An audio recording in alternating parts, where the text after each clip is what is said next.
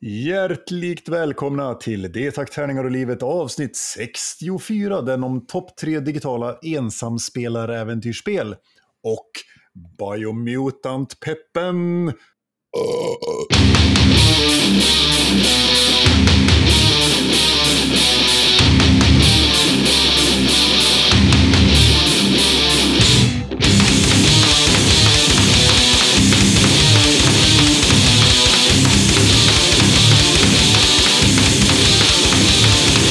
Här podden görs i samarbete med Spelgeek.com, din spelbutik på nätet, och Ofog och Motvalls, ett skivbolag för korta, snabba, arga låtar. Vill man vara med här och hänga med oss så kan man eh, höra av sig till oss. Och eh, då kan man få vara med om man har ett fränt band eller ett fränt spel eller bara vill örje i allmänhet om saker och ting. Mm. så.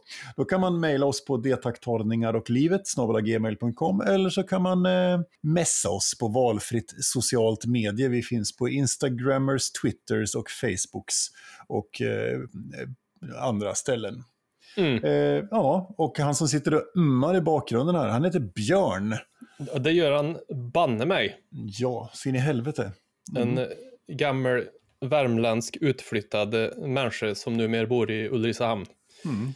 Och eh, den jag pratar med, han heter Niklas. Ja, det heter han. En exiljämte som har förpassat sitt liv till västra Värmland och lever och frodas där. Eh, på något jäkla vis. Eh, vi pratar i den här podden och tycker det är trevligt. Tycker du att det är trevligt och tycker det är värt så kan man ju hysta in en, en tia eller en tjuga på Patreon. Det kan man göra om man vill. Mot, motsvarande en kaffekopp i månaden till oss. Eh, man får även gå in och recensera oss på Podchaser, vilket är ett fantastiskt ställe om man vill. Eh, idag ska vi ta en topp tre om digitala ensamspelaräventyrsspel. Ett fantastiskt ord. Men framförallt innan dess ska vi ju prata om det fantastiska spelet Biomutant, eller vi tror det är ett fantastiskt spel i alla fall, som kommer den 25 maj här. Så vi ska prata lite grann om det, ett digitalt eh, ensamspelaräventyrsspel som heter Biomutant. Men, men om, mer om det om en liten stund. Eh, har du någon spaning? Det har jag faktiskt inte. Har du? Jag har hur mycket som helst. Mhm. Kajaksäsongen är igång. Yes, premiärtur. Jag har provsimmat i min våtdräkt i vattnet i sjön. Det var kallt, Mhm. eh, men blir fränt. Terraforming Mars Big Box är äntligen på ingång. Fantastiskt bra, som vi har väntat med alla fräna grejer. Och eh, efter den första juni här hoppas vi att det blir livespel på riktigt med alla grejer. Och sen har jag en massa andra, jag har massa 18xx-grejer på gång. Jag har spelat 1822 MRS tillsammans med en, en britt och en holländare från den här lilla, fören- lilla discorden, slacken som jag har varit inbjuden till. Eh, Så vi spelade lite 1822 och ska fortsätta på tisdag faktiskt och spela live. Och sen så är det det fantastiskt att eh, Death Trap har en bokad spelning. Ja, just det. Det hörde jag ryktes om, ja. Ja, eh, sen är det oklart om det blir av, men det blir fint. Ja. Det blir jämt görbra. Var så att vi skulle göra jävla osäkert, eller hur var det? Ja, någonstans i närheten av Gävle i Utnora är vi bokade på ett födelsedagskalas. Mm.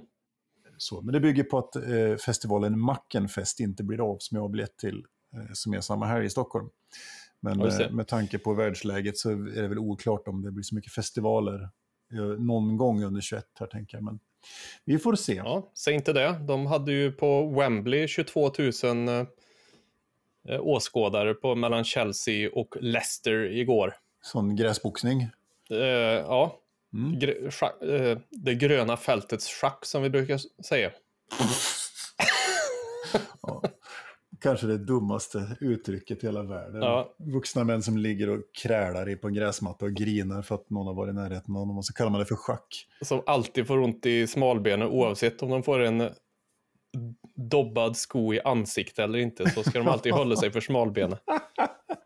Ja, helt obegripligt. Mm. Men så är det. Så är det.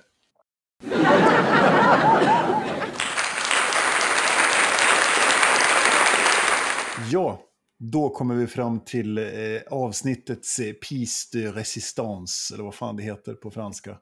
Eh, huvudnumret, huvudakten. Ja. Biomutant. Vad är Biomutant, Björn? Det är då ett eh, spel som kommer att släppas på PC, eh, Playstation, Xbox. Sen vet jag inte om det kommer till Switch. Eller något annat. Eh, men det, säkert. det gör det säkert. Det får man eh, kolla upp. Eh, Mm. det utger sig i alla fall för att vara ett eller en postapokalyptisk kung fu-fabel, vilket ju låter väldigt spännande. Redan där är jag såld, känner jag. Ja, precis. Och det är då ett actionrollspel kan man väl säga, som, som du ser ifrån tredje person. Du spelar en liten, ja, ett litet djur eh, av något slag. Mm. Som du kan customisa och grejer. Vi kommer dit sen. Själva storyn är då att eh, det är någon slags giftig olja som har trängt upp i marken och förgiftat the tree of life, som det heter. Jag försökte mig på att översätta det till livets träd där, men det lät, som, det lät så jävla lökigt. Och det här Tree of Life har då fem stycken stora rötter som du då ska rädda. Liksom. Du kan välja att rädda dem. Du kan tydligen också skita i att rädda trädet. Och så, Ja, ja. schysst. Och eh, i själva spelet då så finns det sju stycken olika biomer. Till exempel så finns det en, en lummig skog slash djungel eller så. Och eh, öken och sådär. Och så något radioaktivt område också som man kan färdas i. Liksom. Precis, och då, då finns det i vissa av de här biomerna så är det, behöver du resistens för att kunna vara där inne. För om du går in i till exempel radioaktivt område och inte har crafta armor och så vidare som krävs för att du ska klara av att vara där, så tickar det ner eh, så här procentsats. Mm. Eller upp kanske det är förresten. Eh, så när den går upp till 100% så börjar du ta skada och då kan, får man liksom gäller att bygga upp resistens för att kunna vara där inne länge nog för att kunna göra det som ska göras. Fan vad nice. Mm. Ja, eh, det här spelet släpps då den 25 maj 2021 och det släpps av eh, Experiment 101 och THQ Nordic. Eh, det kommer ett ganska nystartat bolag från Sverige. Så Mm. det är det som är lite intressant, det är svenskutvecklat. Jobb, de har jobbat på en hel del andra spel tidigare, de som har knackat det här nu. Så det blir väldigt intressant här. Mm, de har jobbat på Avalanche som har gjort, eh, med, eller just precis eh, Stefan Ljungqvist som han heter, eh, har jobbat med, eller han var en key person som det stod på nätet i Mad Max och Just Cause-serien. Mm. Fräsigt. Mm. Och det som är lite intressant är att man annonserade eh, på Gamescom 19 augusti 2017 att det här spelet skulle komma. Så att det är alltså, ja, fyra och ett halvt år sedan. Ja, de är ju, jag har kollat på lite intervjuer och sådär med Stefan på YouTube och eh, de är ju runt 20 anställda och sådär. De har ju fått eh, erbjudande verkar det som, om jag inte minns helt fel, att de ska bli liksom få ett större team och mer resurser och så, men då har de valt att inte göra det för att de vill kunna göra spelet precis som de vill. Så att eh, de är runt 20, vilket är väldigt lite för, för, för hur stort spelet verkar vara, om vi säger så. Ja, för det ska vara lite sandbox också. eh, Så. Ja, det är ju en öppen värld. Men med lite quester och storylines och så vidare. Mm. Ja, eh, du, både du och jag har ju förbokat det här. När det här släpps så får vi väl ta ledigt från jobbet, eller jag i alla fall. Ja, visst. Jag har en semesterdag att ta ut. Precis, Från i fjol. li, lite sugen är man nog fan på bara kliva rakt ner i mjukisbyxorna och bara glida in och, in, och eh, stänga bort sig liksom. Sätta Ja, i, i folkölsdroppet och bara spela. Ja. Vill Så. du berätta lite om själva karaktären eller så? Ja, alltså det, det är ju så, man är ju någon form av muterat djur och det här går ju att customisera, customisa, vi ber om ursäkt, vi kommer det vara så jävla mycket dålig svengelska i det avsnittet så ni anar inte. Så det, vi skiter i att försöka hymla med det, att Ja. det ska vara så fint och svenskt, utan man kan customisa sin karaktär ganska mycket. Eh, det som jag tycker framförallt är, jag verkligen ser fram emot, det är ju att beroende på hur du ställer in längd, vikt, bredd på din karaktär så kommer det att påverka gameplay. Alltså, är du lite bredare så tål du lite mer stryk men inte riktigt lika smidig och snabb och så vidare. Eh, hur de har implementerat det här blir ju jävligt spännande att se. Man kan välja, det finns, vad vi vet så finns det sex olika klasser att välja på att spela. Man kan spela Deadeye, som är någon slags eh, eh, allround-klass. Eh, kommando, ranged combat, mycket, alltså som en, en ranger egentligen i fantasyspel. Mm. Eh, Psy-freak som har någon slags eh, magiker i princip. Sabotör som är väl någon slags tjuvaktigt. Det är mm. sånt. Och sen så har du Sentinel som är en tank. Och sen så har vi eh, den här förköpsspecifika klassen Mercenary som vi inte vet så mycket om faktiskt. Så är det klasserna. Man stöter på NPCs då, spela, eller eh, karaktärer i spelet och de tillhör framförallt sex olika klaner som man måste förhålla sig till hela tiden. Mm. Man väljer hela tiden aktivt hur man vill jobba mot de här och då är det så att tre av dem, tre av de här klanerna är då sugna på att vi ska rädda det här livsträdet Tree of Life. Men det är tre av dem som tycker att det kan lika gärna gå till helvete. Och vi kan käka olja eller någonting. Så det är lite intressant, eh, tycker jag. Sen har ju du eh, ett, eh, pratat om ett karmasystem som du är lite fascinerad över. Ja, det är ju ett karmasystem, men de kallar det för aura här då. Och det är inte god och ond, utan auran är light eller dark istället. Och mm. beroende på hur du väljer, man får antingen light aura eller dark aura. Och om du då har mycket light aura och ska interagera med en NPC som har mycket dark aura, så kommer det att bli svårare för dig att få igenom det du vill. En del val kanske inte kommer att dyka upp och så vidare. Vilket ju gör att ja, beroende på hur man vill spela. Och då har de sagt att det finns inget rätt eller det är inte samma som rätt eller fel, light eller dark här, utan det är liksom bara för att få flavor till spelet i princip. Mm. Och då kommer det även att påverka spelets slut. Jag tror att det finns två slut, sa du va? Två mm. main endings. Precis. Mm. Eh, för det som är, det, jag tycker det, det, känns som det påminner lite grann om så här, eh, Knights of the Old Republic, de, de gamla Star Wars-spelen där man kunde röra sig mellan, mellan det mörka och det ljusa så att säga. Och beroende på vart man var så kunde man använda olika förmågor eller olika vapen eller så. Och här är det ju tankt att, att NPCerna ska reagera på en beroende på vilken aura man har. Ja, det är också samma typ samma system som finns i Mass Effect-serien. För mm. de som har spelat det. För det kan man, får man ibland möjligheten att göra Renegade Actions och så vidare. Vilket för handlingen vidare på olika sätt. Då. Mm. Om du vill vara god eller ond i vissa lägen. Så det tycker jag känns jävligt coolt.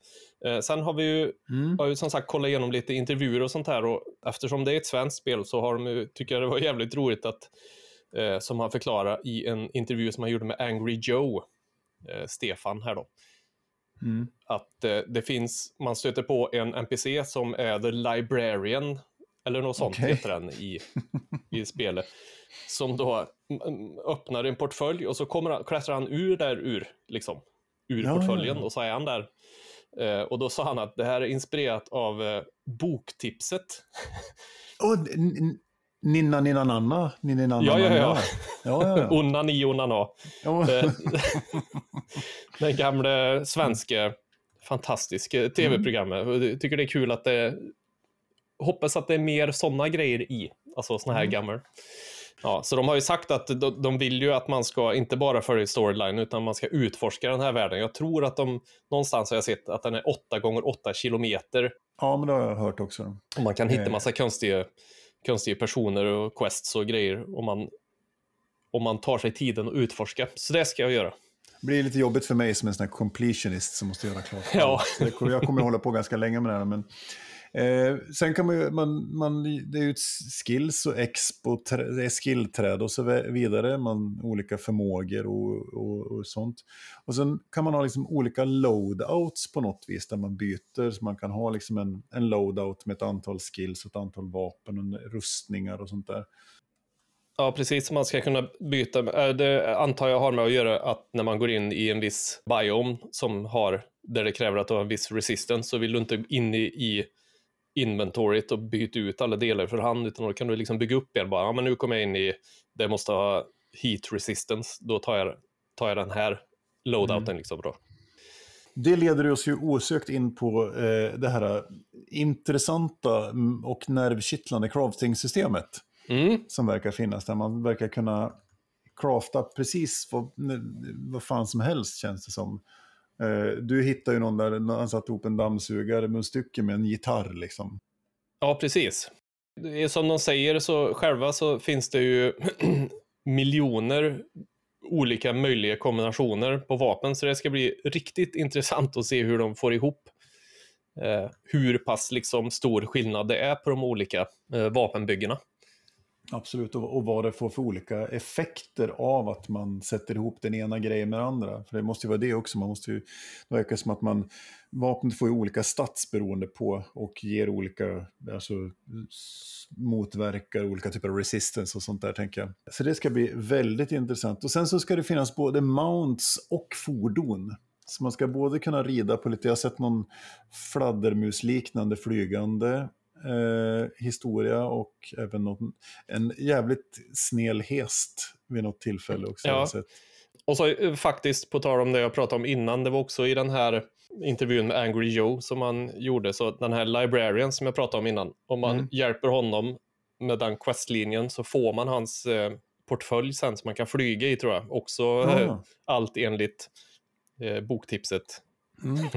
Ja, det är bra. Eh, gliding, man har någon vinge som man kan hänga och glida i. Man hoppar ut för stup och såna grejer. Och sen som mm. sagt olika mounts, då, så olika eh, djur att rida på. Som både flyger och springer och far. Men sen även fordon då. Och mm. allt eh, ubåt och vattenskidor och någon, man, det är någon, eh, någon sån här meck, någon robot som man sitter i och kör. Som har liksom eldkastare och grejer. Har jag sett också. Så att, eh, det blir väldigt, väldigt spännande. Och sen så är det ju, det som kommer till här, det är ju att alltså väder och allting sånt där ska påverka. Det ska liksom, eh, alla så här, environmental effects, som det kanske heter på utrikiska, eh, ska liksom påverka att det blåser, eller det är varmt, eller det är kallt, eller alltså påverkar gameplay mer än att du tar skada om du går in där det är kallt, om du inte har cold resistance, utan det händer saker med gameplay också. Okej. Okay. Så har jag förstått det som. Men som sagt, ni förstår, vi sitter ju här och bara gissar utifrån eh, tveksamt research på internet. Liksom. ja, researchen är väl gedigen, men det, det kan ju hända att de vi har researchat ifrån har fel. Ja, och då har vi fel. Eh, mm. Men så är det. Ja, vad tror vi om stridssystemet då? Det har jag eh, kikat på. Det verkar ju väldigt spännande för det verkar vara en lite blandning mellan eh, Zelda, Breath of the Wild, eh, Devil May Cry plus eh, de här gamla John Woo filmer med mm. saker om, för de som kollar på dem i gamla actionfilmer. När saker och ting slår ner och går i slow motion liksom. Så man verkar, verkar växla mellan att eh, slåss med typ svärd eller gitarr och dammsugare med stycke då och eh, och sen backa och hoppa och så blir det slow motion och så skjuter du liksom. Och det här gör man ju för att bygga upp en kombomätare. Mm. Och när den är full så släpper man lös sin, sin Super Wang Fu, som det heter, som är någon slags eh, superkombo som verkar vara när den här kombomätaren är igång så beror det på om du kör närstrid eller skjutvapen. Det blir olika kombo beroende på liksom, så att det är inte bara mm. en och samma verkar det som. Och det verkar vara en del styrt också med autotargeting och sånt där. Det här, här kommer ju bli the, make or break för mig. Mm. Det ser lite stökigt ut och det är lite för mycket sådär uh, upp, upp, ner, ner, vänster, vänster, höger, höger, X, Y, X, Y, start, select, B liksom. Escape, eh, allt ja, F4. Precis. Ja, men precis. Att det, det, det är min största oro, att, att fightingen är för mycket eh, liksom Nintendo-kontroll. Liksom. När man ser, eh, man kollar på YouTube-filmer och så här på eh, stridssystemet så det händer ju jävla mycket grejer då på, mm. eh, på skärmen samtidigt. Så jag förstår vad du menar. Jag hoppas dock att de har gjort det som, jag vet inte om du spelar Arkham Asylum och de här Batman-spelarna. Mm, absolut. För där händer det också ganska mycket på skärmen, men där har mm. de löst det så jävla snyggt med att det är inte så jävla mycket knapptryckningar egentligen. Nej. Och så är det lite guided combat också, lite som i Tomb Raider spelen också. Och sen så är det här med, det, det, det ser ut som den här slow motion, den här bullet time, det som om man har spelat det gamla hedliga spelet Max Payne. Ja, just det. Så fanns, så fanns ju det, den typen av, alltså att man kunde starta igång bullet time och då saktar spelet ner till slow motion och så hinner du göra saker i, i realtid fast spelet går i slow motion så att säga. Och så ser det lite ut här också. jag, jag tror att, jag hoppas att de har med tanke på att det är en så pass stor del av spelet så måste de ju, och det har varit under utveckling så pass länge, så hoppas mm. jag ju mm. verkligen att de har eh, lagt ner lite tid på att få det så att det känns, det måste ju, eftersom det är så mycket action så måste det ju vara ett flyt i det hela, annars så, som du säger, så är det ju make or break. Absolut.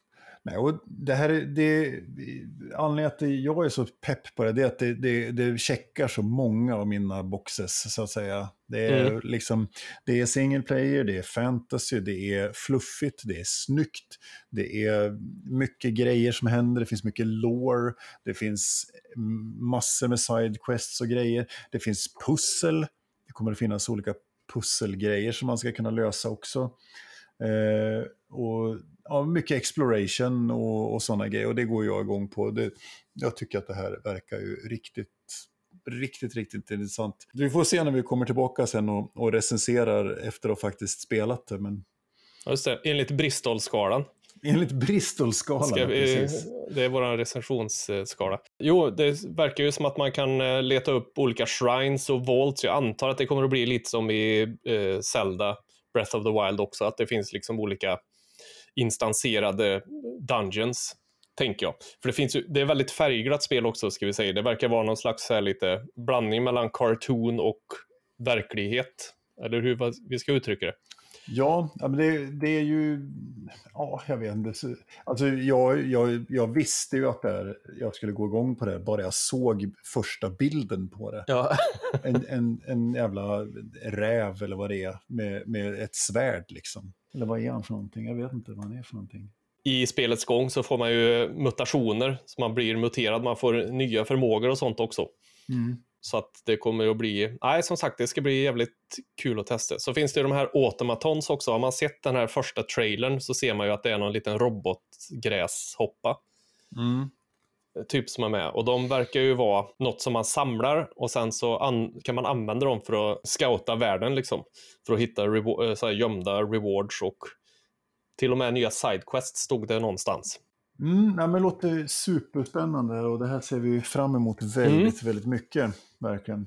Ja, som sagt, Biomutant. Eh, vi är peppade, vi hoppas ni är peppade också och provar det och kommer med en mm. recension till oss. Vi kommer återkomma till Biomutant. Då ska vi snart gå in på vår topp tre, men innan dess tänkte jag spela en liten låt. Och då ska vi idag avnjuta eh, det fantastiska svenska bandet Necrophobic och låten Mirror Black. Necrophobic är ett Stockholmsband som startade 89 faktiskt och har släppt nio plattor. Den första kom 93. Och den senaste kom nu förra året, 2020, Dawn of the Damned. Och det är en riktig jävla brottarplatta. Fan vad bra den är. Eh, eh, och det är någon slags black and death metal. Men här kommer brottarhitten från brottarplattan som heter Mirror Black.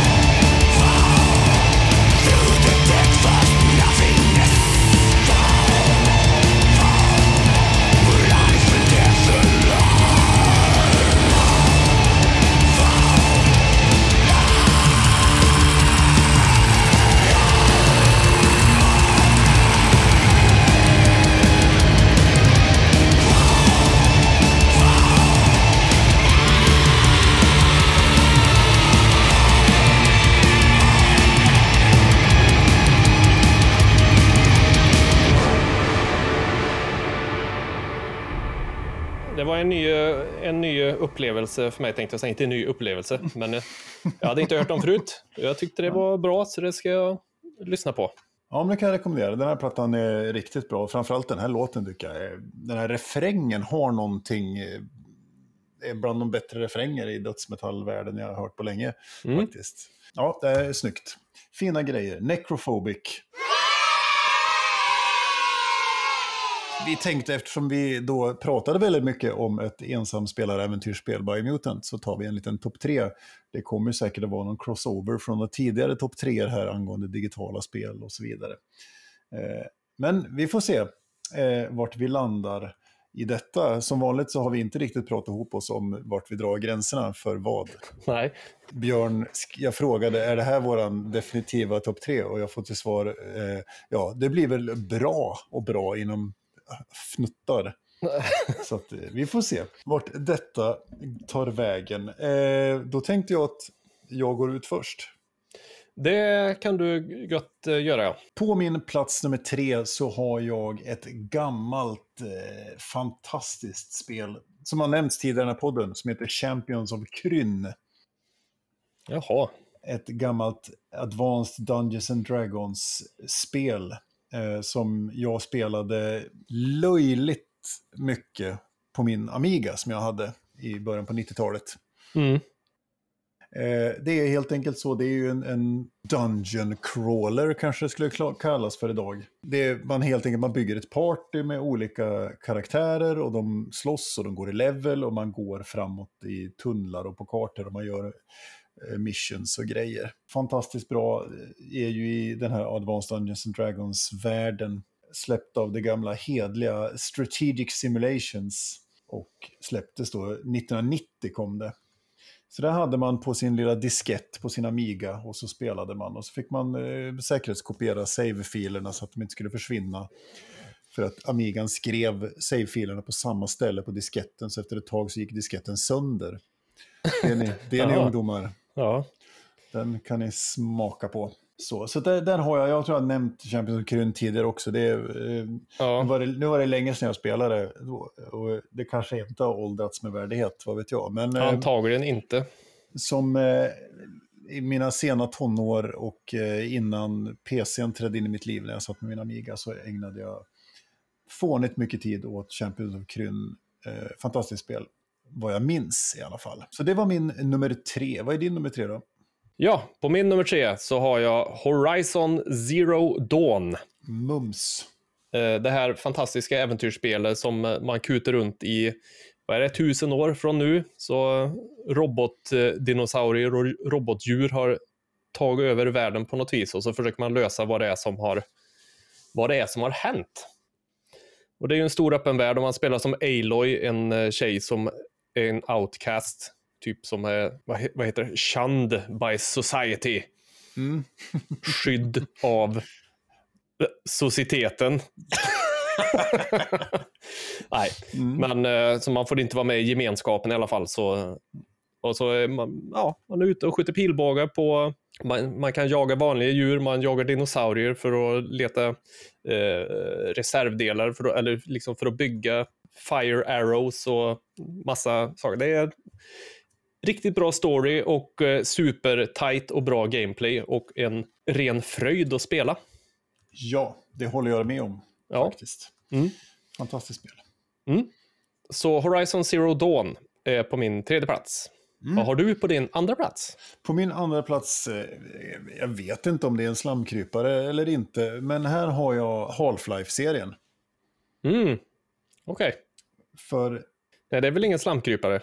nej, jag tänkte äventyrsspel kändes, men, men jag, jag har haft så mycket trevligt med Half-Life, både första och andra.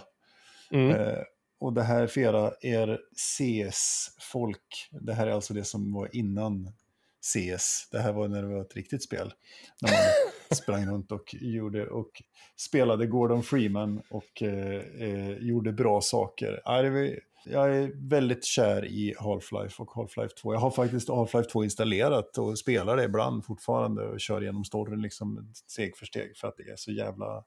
Jag har alltid när jag hör en, eh, kråka ute så tänker jag alltid på Ravenholm när man kommer Mm. dit. Det är så här, det intrycket har det gjort på mig. Första Half-Life kom väl 99, vill jag minnas. Eller 98 kan det ha varit också. Och 98, november 98 släpptes första Half-Life. Jag skulle säga att det är ett enspelaräventyr utan dess like, om, du, om man tänker liksom på single player-delen. Precis. Så det är bra. Jag är med på min bubblalista, både ettan och tvåan, kan jag säga då. Mm.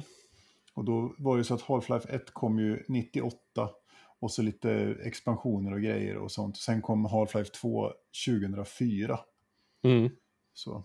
Och så sent som förra året så släppte de ju Half-Life Alyx, Alyx eh, VR-versionen av Half-Life med hot, upphottad grafik.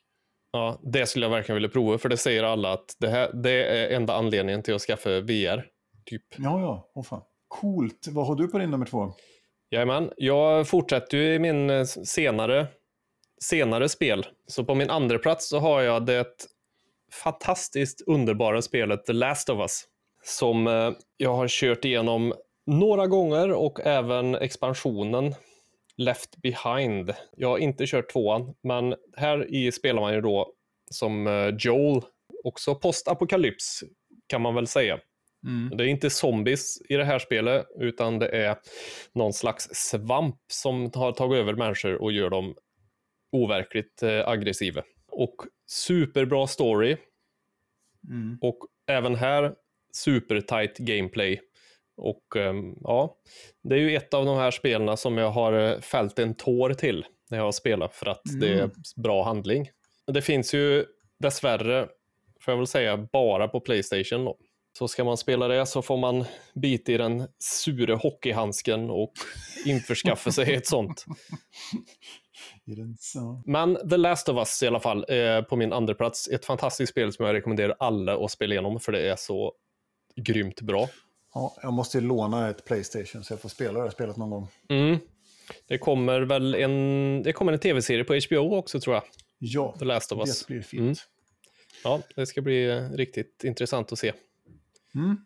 Då är vi framme vid nummer ett. Då är vi framme vid nummer ett och då ska du få en liten... Tjokoko! En fanfar. Eh, och eh, den kanske mest, ja, minst oväntade listplaceringen på 64 avsnitt. Varför vet jag inte vad du tänker säga? Därför du borde veta att jag tänkte Ja. säga Tomb Raider. Ja, jo, det visste jag i och Och då menar jag hela Tomb Raider-serien. För den har jag också, om jag har lagt mycket tid på Champions och Kryn, jag har lagt mycket tid på Half-Life och Half-Life 2, så har jag lagt bisarrt mycket tid på Tomb Raider 1, 2, 3, 4, eh, alla avarter, de senaste varianterna och så vidare. Fantastiska spel, fantastisk setting. Ja, bara, bara hur bra som helst. Mm. Jag, jag säger inte mer än så, det är bara Tomb Raider talar för sig själv. Ja, det kanske inte behöver någon närmare presentation heller riktigt. Nej. Det är ju så. Det, ja, skulle, i, kronan på verket är egentligen Tomb Raider 4. Ja, vilken är det nu då? För den heter väl inte fyra, den heter väl... Jo, den heter, det var, de heter 1, 2, 3, 4. Jaha. Ja, det kanske är efter rebooten som heter Shadows of the Eller blah, kanske blah, blah. Last Revelation hette 4 kanske. Ja. Det var 1, 2, 3 och sen så kom det lite namn och grejer. Mm. Så. Men ja, Är det den bästa? ja det, är, det är den jag har haft mest nöje av tror jag. Den, Okej, när kom den då? den kom eh, 99. Ja, okej. Konservativ jävel liksom. Så. Vi har lite olika tidsspann på våra, våra list, listplaceringar. Ja, Tomb Raider. så är det, klart och betart. Här Vad kommer har då- du på din nummer ett? Här kommer då... På min nummer ett så kommer The Witcher 3. Ah, Som ju är... Jag älskar ju The Witcher. Det ju, har väl kanske framgått. Men trean är en så perfekt mix av action och rollspel och eh, det är bra story, det är bra skådisar. Det är liksom, ja, det har fan allt. Det har riktigt stora, grymma bossar. Alltså, de första gången man ser en Griffon som kommer. Jag vet inte, hur långt har du kört? Ja, men jag har nog sett de, de första där. Man, man ska rädda någon merchant från en griffon som har attackerat hans eh, häst och vagn och så här. Det är så jävla grymt. De är så stora och det är mäktigt och det är, ja. Eh, det är ju CD Projekt, Projekt Red. Otroligt bra spel. Eh, rekommenderar alla att köra igenom detta. Eh, framförallt mig själv eftersom jag inte har spelat klart det än. Men det är också så här tredje person som man springer runt som Geralt av Rivia, en Witcher då. Som är någon slags eh, monsterjägare som alla hatar, men alla behöver för att, ja, för att bli av med odjur. Ser i tredje person, åker runt i, eller åker, man åker inte på en häst kanske. Nej. Man går och rider runt eh, i den här världen som är svinsnygg. Eh, och jag har för mig att när det här The Witcher kom så hade Nvidia precis eh, gjort någon sån här, det var någon teknologi på grafikkortet som gjorde att eh, hår såg bra ut. Mm. Och även så här, ja, hår i vind och så här, vilket gjorde att allting i spelet, det blåser ju hela tiden, överallt, inomhus, utomhus. Så jävla uselt land. Det blåser överallt. Men Ja, det- huvudsaken är att ens, hår är snyggt i Ja, det, motljus. Liksom. ja, ja, men precis. Men det är också så här, jag rek- rekommenderar folk att köra detta. För att det kostar inte så mycket och det är jävligt bra Mm. fantasy-spel. Very nice. Så det var på min första plats. På min, min lista var då på tredje plats Horizon Zero Dawn, andra plats The Last of Us och första plats The Witcher 3. Och min topp tre var på tredje plats Champions of Kryn, på andra plats Half-Life, Half-Life 2 och på första plats eh, alla Tomb Raider-spelen. Jag skulle säga att dina slamkrypare i det här fallet är att du tar hela spelserier på en plats. Ja, ja, du tänker så. Ja. Det går inte att välja ut. Nej, jag vet. Jag sa ju att är det var svårt. omöjligt. Mm. Ja, och, men det är därför jag har en jävligt lång bubblalista som jag tänkte gå igenom lite. Mm. Ganska snabbt i alla fall. Och jag hade ju med Half-Life-spelarna ettan och tvåan. Sen har jag även Shadow of the Colossus. Sen har jag Uncharted-spelen. Mm. Och så har jag Zelda Wind Waker. Och så har jag Blue Dragon som kom till Xbox 360. Och sen har jag Borderlands-serien. Och sen har vi Monkey Island och eh, Loom som är ett av LucasArts första sådana här peka-klicka-spel som är fantastiskt spel. Och så har vi Telltale Games The Walking Dead, Firewatch, Nino Kuni och så har jag med Tomb Raider där också och Jedi Knight Fallen Order. Det var min bubbellista. Ja, det var inte så illa pinkad den. Nej, men det var väldigt svårt att välja ut tre stycken där. Ja, ja. Ja, det förstår jag. Ja, och jag har som sagt, jag har också eh, skulle kunna rabbla i all evighet, men det är ju ungefär de som du har där. Jag hade ju Horizon Zero Dawn framför allt och Witcher och, och, och sådär. Så att, eh, ja, många fina spel. Bra det. Vi har säkert Mm. glömt som vanligt tusen stycken. Låt oss veta vilka vi har glömt. Hur fel vi har. Och det gör ni genom att antingen svara och skriva på Facebookers eller något socialt media eller så mejlar ni oss på detaktarningar och livetsgmail.com. Mm. Och med det så har vi plöjt klart för idag. Ja. Grymt! Och så hörs vi nästa vecka. Det gör vi. Ha det gott. Festligt hej! Ho, ho.